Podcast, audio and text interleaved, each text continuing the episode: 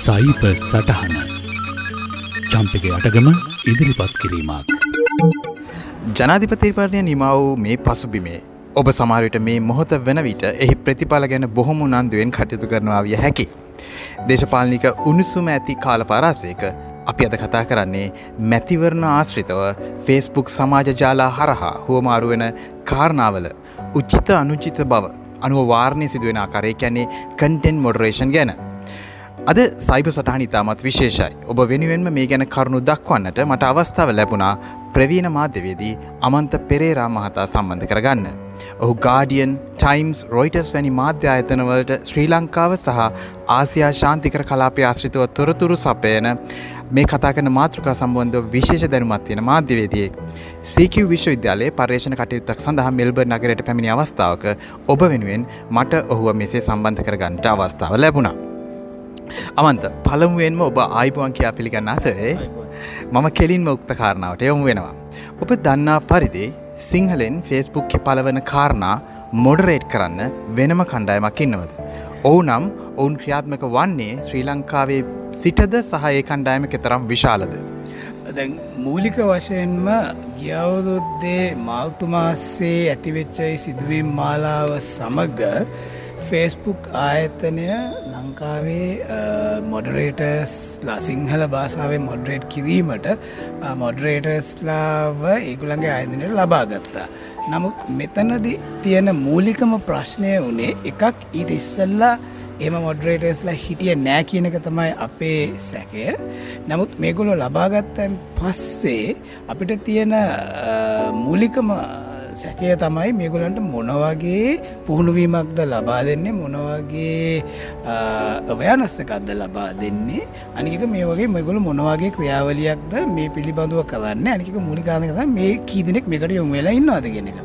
අපි දන්න හැටියට ෆෙස්බුක් ආයතනය ගියවදුද්දේ ලංකාවේ මොඩරේටස්ල පත්කිරීමේදී ඒගොලු ලංකායි මොඩරේටස පත්කද ගැන් ලංකාවේ පදිංචි ලංකාව තුළ සිතගෙන වැඩකරනය නමුත් එතනද ඒගොල්ලෝ කරපු දෙයක් තම මේගොලන්ට මම දන්න විදියට ලබාදුන්න පුහුණුවීම මේ අන්තර්ජාලය හල්හ ලබාදුන්න පුහවීමක් ඉතින් ලංකාවේ ඇතිවෙල තියෙන සිද්ධි සම්බන්ධව කතා කරනකොට ඒක ප්‍රමාණවද්ද කියන ප්‍රශ්නය මෙතනද ඇති වෙනවා. අනික්දේ තමයි ෆෙස්බුක් ආයතනය ලංකාව හෝ ඒගොලන්ගේ ජාත්‍යන්තද වශයෙන් හෝ මෙවැනි මොඩරේස්ලස්ල කී දෙනෙක් වැඩ කරනවද? කොහෙදේගොල්ලු වැඩ කරන්නේ? ඒගොල්ලු මොඩරේට් කරන භාෂාව පිළිබඳව ඩීටෙල්ස් අපට ලබාදීල නැහැ. ඉතින් ඔබගේ ප්‍රශ්නයට පිළිතුද ඔවු ඒගොලු වැඩ කරනවා. නමුත් ඒගොලු වැඩ කරන ආකාරය ඒගොලන්ගේ වැඩවල ප්‍රමාණය පිළිබඳ අපට දැනුමක් නැහැ ඉතාමත් පැහැදිලිම අසා ඇති පරිදි ලංකාවට මේ වනකොට කන්ට්‍ර රිප්‍රසන්ටටිවස්ල දෙන්නෙක් පත් කරලා තියෙනවා. ඔවුන්ට මේ කාරයන් සම්බන්ධව රජය විමසා කටයුතු කරන්නට සිද්ධ වෙනවද මෙවැනිට රජයට සම්බන්ධව හෝ වෙනත් රාජ්‍ය නොයන ඇතන හරහා විනිවිධ භාවයක් ඇති සැකසුමක් සහිතව ඔවුන් ක්‍රියාත්මක වෙනවාද.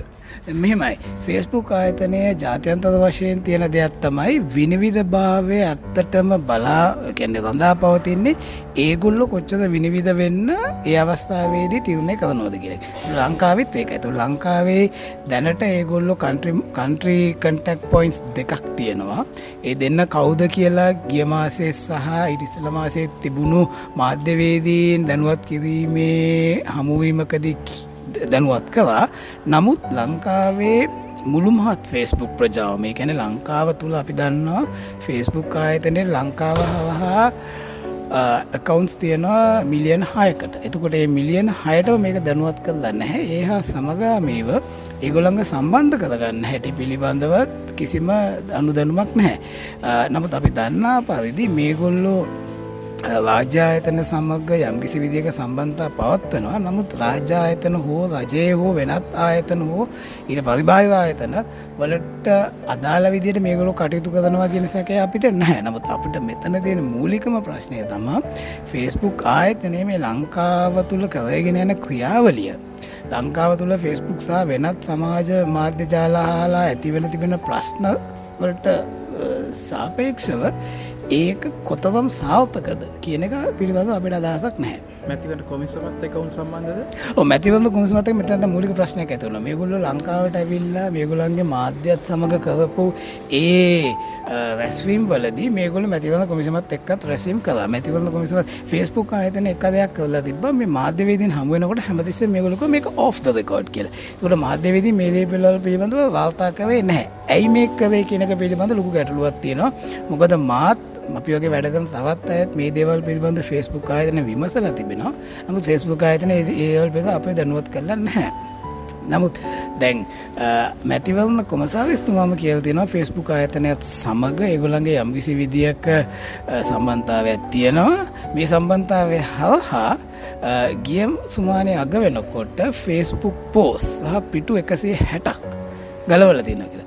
නමුත් අපි දන්නා පදිරි ඒ ප්‍රශ්න සහගත පෝස් සහ පේජස් එකසේ හැටන මේ දවසකට දහස් ගානක් මතු වෙනවා එතන දා ප්‍රශ්න අපි දන්නවා ෆේස්බුක් ආතනය නිරුවත් හෝ ප්‍රචන්ඩත්වයට අදාල කාරණ ස්වයංක්‍රියව මොඩරේට් කරන්න කියන ඔටෝ මොඩරේට් කරන්න කෘතිම බුද්ධිය. එකන ආටිවිශල ඉන්ටලිජන්ස් යොදාගන්න.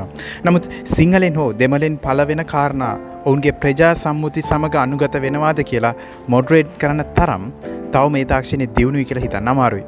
මෑතක ෆෙස්බුක් වලට එරෙහිව පැමිල්ලි තිබුණා සුදුසු නැති දේවල් ඉවත් කරන එක කාරක්ෂමව සිදු වෙන්නේ නැහැ කියලා සහ පැමිල්ලි තිබුණා රජයට විරුද්ධ පාර්ශයන්ට විරුද්ධ පමණක් ක්‍රියාත්මක වෙනවා කියලා. ඔබ මේ ගැන මොකද හිතන්න මේ සමහරවිට ඔවුන්ට මේ කාරයට අවශ්‍ය ප්‍රමාණවත් මානව සම්පතක් සහ ක්‍රියාපටිපාටියක් නැතිවීම නිසා විය හැකිද. මේ මේගුලු රජයට විරුද්ධ පාසවලට පමණක් ක්‍රියා කරනවා කියනක මහිතන ඒක ඇත්තට මෙතන ලොකු සත්‍යතාවයක් නැහැ. මොකද අපි දන්තාතමට ගිය සුමානය මේ සුමානේ රජය ඇමතිවදයක්ගෙත් පෝස්ට එකක් කරන්දාල එතුමත් ලොකු ඒක පිළිබඳව ලොකු මේ සද්‍යයක් දම්ම. නමුත් දැන් මෙතන තියෙන මූලික්කම දෙකැන්නේ ප්‍රශ්නය වෙන්නේ මේගොලන්ගේ මේ තියන්න මෙසින් ජනදට කැපැසිටිය එක සහ හිවමන් කැපෑසිටිය එක මේ එන්න ප්‍රශ්නසාගත පෝස්සා පේජස් පිළිබඳව ක්‍රියා කිරීමට හැකියාව තියෙනවාදගෙන මෙතන එකක් තියෙනවා. ලංක මිට මාස තුන හතකට ඉස්සල්ලා ලංකාවේ එක මේ වීඩියෝ එකක් එලියටාවා මේ ලංකාවේ ගෑනු කෙනෙක්ගේ පප් බෙල්ලට කකුල තියලා පාගන වීඩියෝ එක. නැ අප මේ වීඩියෝ එක ෆේස්බුක් එක පෑ දොල්හක්ති බඩුමගන පෑදොල් හත් තිබ්බ මේ වීඩියෝ එක ඕන කමින් කරපු දෙයක්ද? මේක චිත්‍රපටියද ඒකන මේ මෙතන් තින ප්‍රශ්නය දැටස් ග්‍රෆික් ඉමේජස් ඒ ග්‍රෆික් වයලන්ස් කියන එක වෙනලටකින් ආවනම් තක්ගාලිවත් වෙනවා. අනික මේකට බැක්ගවුන්් එක වෙන්න ක්‍රයිස් චර්චල් වෙච්ච සිද්ධිය එතකොට ඒ සිද්ධියත් එක්ක මෙවැනි දෙයක් වුණාම ඇයි මේක අදන්දම නැත්ති? දැ මත් එවලදී ෆෙස්බුක් එක මම දන්නයට කතා කලා ඊට පස්සේ තමා මේක අවන් දැම්මේ නමුත් ඒකට පැදවල හක්ගිය තොට ඒක තව ප්‍රශ්න එකතකොට මෙතන ගැන විශුවල් කටට තව දෙයක් තම සිංහල සහ දෙමල සිංහල සහ දෙමලවලට හිවමන් ඉන්ටමේශනයක් අවශ්‍ය වෙන්නේ ඇයි කියන එක මං කියන්න සිංහල සහ දෙමල අපි දන්නවා ගොඩක් අය මෙසින් ඩිටෙක්ෂන් වලින් එලියට යන්න. එගොල ගොඩක් වෙලාවට සිංහලින් සිංහල ටයිප් කරන්න එගොල ඉංග්‍රීසි සහ සිංහල අක්ෂ කලවන් කල්ලා තම ටයිප් කරන්න. එතකොට මේක ඩිටෙක් කරන්න කොමද අපි එක නමක් ගත්තු අපි ගත්තොත් ශ්‍රී ලංක කියන එක සිංහල සහ ඉංග්‍රීසි අක්ෂද භාවිතා කිරීමේ ලියන්න පුළුවන් ඔප්ෂන්ස් කියත්තින දේ මේ ඔප්ෂන් ඔක්කොම් ප්‍රෝග්‍රම් කරලාද තියෙන්නේ. ඊට පස්සේ සිංහල ෆොන්ස් තියෙන තුර මේ දේවල් පිළිබඳ ගොඩක් දුතට අධ්‍යයනය කරන්න මෙතන මට තියෙන මූලිකම ගැටලුව තමා ෆෙස්බුක් ආයතනය ලංකාවෙන් සල්ලි හම්බ කරන්න නෑ ඒක හින්දා ෆෙස්බුක් ආයතනය ලංකාව තුළට එගුලට අවශ්‍ය අඩ්ඩුම විදිට තම එගුලන් විසෝසස් භාවිතා කරන්න. ඒ විසෝසස් භාවිතා කරන්නෙත් ලංකාව කියන දේ ලංකාව ඇතිවන ප්‍රශ්නය එගුලන්ට ජාතියන්තද වශයෙන් ලොකු බෑඩ් පියාදකක් ඇතිකද නැහැ කියනක තම මන්න මටන මෙතන හිතෙන්නේ. මහිතන මගේ අවසන් ප්‍රශ්නටත් අමන්ත කෙටිය ඒ වෙලා උත්තර දුන්න. වගේ නමුත් ම අවසන් වශයෙන් අහන්නේ මොකක්ද ෆෙස්බුක් ඇතනට දෙන පනිවිඩිය හෝ උපදේශය ඔබ ප්‍රවීණ විදේශ මාධ්‍ය වෙදියක් විදියට? මෙමයි දැන් ඇත්තටම මම සහ මත්තක එකට වැඩගන්න ගොඩක් කටිය ලංකාව තුළ සහ ලංකායින් පිට අප ඇමතිස ෆෙස්බුක් අතනට කියලා තියන ඔගුල මේ කදන දෙවල් පිළිබඳ විනිවිද? අපිට කදුුණු දක්වන්න. ඒගොල කදුන්න දක්වන්න එකක් ඒගුල විනිවිද වුණනම් අපිට වටාගන්න පුළුවන් මේ ප්‍රශ්නයට අදාළව මේ එන මේ ඉන්ටමෙන්ෂන් එක මේක සෞතකද නැද්ද කියන එක. තව දෙයක් තමා මන් දකින විදියට ෆෙස්බුක් ආයතනය ලංකාවේ වැඩ කරන්න. මෙහෙම ලංකාවතුළට මේ විදියට ඉන්ටවීන් වෙන්න තියදනය කදේ ගියවුරුද්දේ ලංකාව ෆෙස්බුක් බෑන් කිරීම. ෆෙස්බුක් බෑන් කිරීමෙන් ඒගොලන්ට උනේ බිස්නස් නැතිවීමක් නෙමේ ඒක ලොකු ඉන්ටර්නශනල් මීඩිය ස්ටෝදයක් වුණා. එතකොට මේ මීඩිය ස්ටෝදයක ෆෙස්බුක් එකට ලොකු ඉන්ටර්නශන ලොක ප්‍රශ්නයක් වුණා. ඉතින් දැන්වුනත් මගේ දැන් ඒගොලු ලංකාවේ මේ කදන මේ ඉන්ටර්වෙන්ශන් එක කරන්නේ මේ මේ ස්ටෝදයක ලොකු ස්ටෝදයක් වෙන්න හැ කියන බලාපොත්තුවේ බොද ලංකාවේ මයිතන ෆෙස්බුක් එකට සල්ලි හම්බ කරන්න තියෙන අවශ්‍යත සල්ලි හම්බ කරන්න පුළුවන්. නමුත් ඒකෙන් ලාභයක් ලබාගන්න පුළන්දගෙන දැන් කවදාහන ඇත්තම ෆෙස්බුක් බත්සප් පලට්ෆෝර්ම් එක ඉන්ඩියාවලන්නවා මිලියන හාලසීය මිලියන හාදසිය එතකොට ඒ මාකට් එකින් ෆෙස්බුකට ලොකූ විදිට සල්ලි හම්බ කරන්න ලංකාවේ මාකට් කැපැසිට එක නැහැ.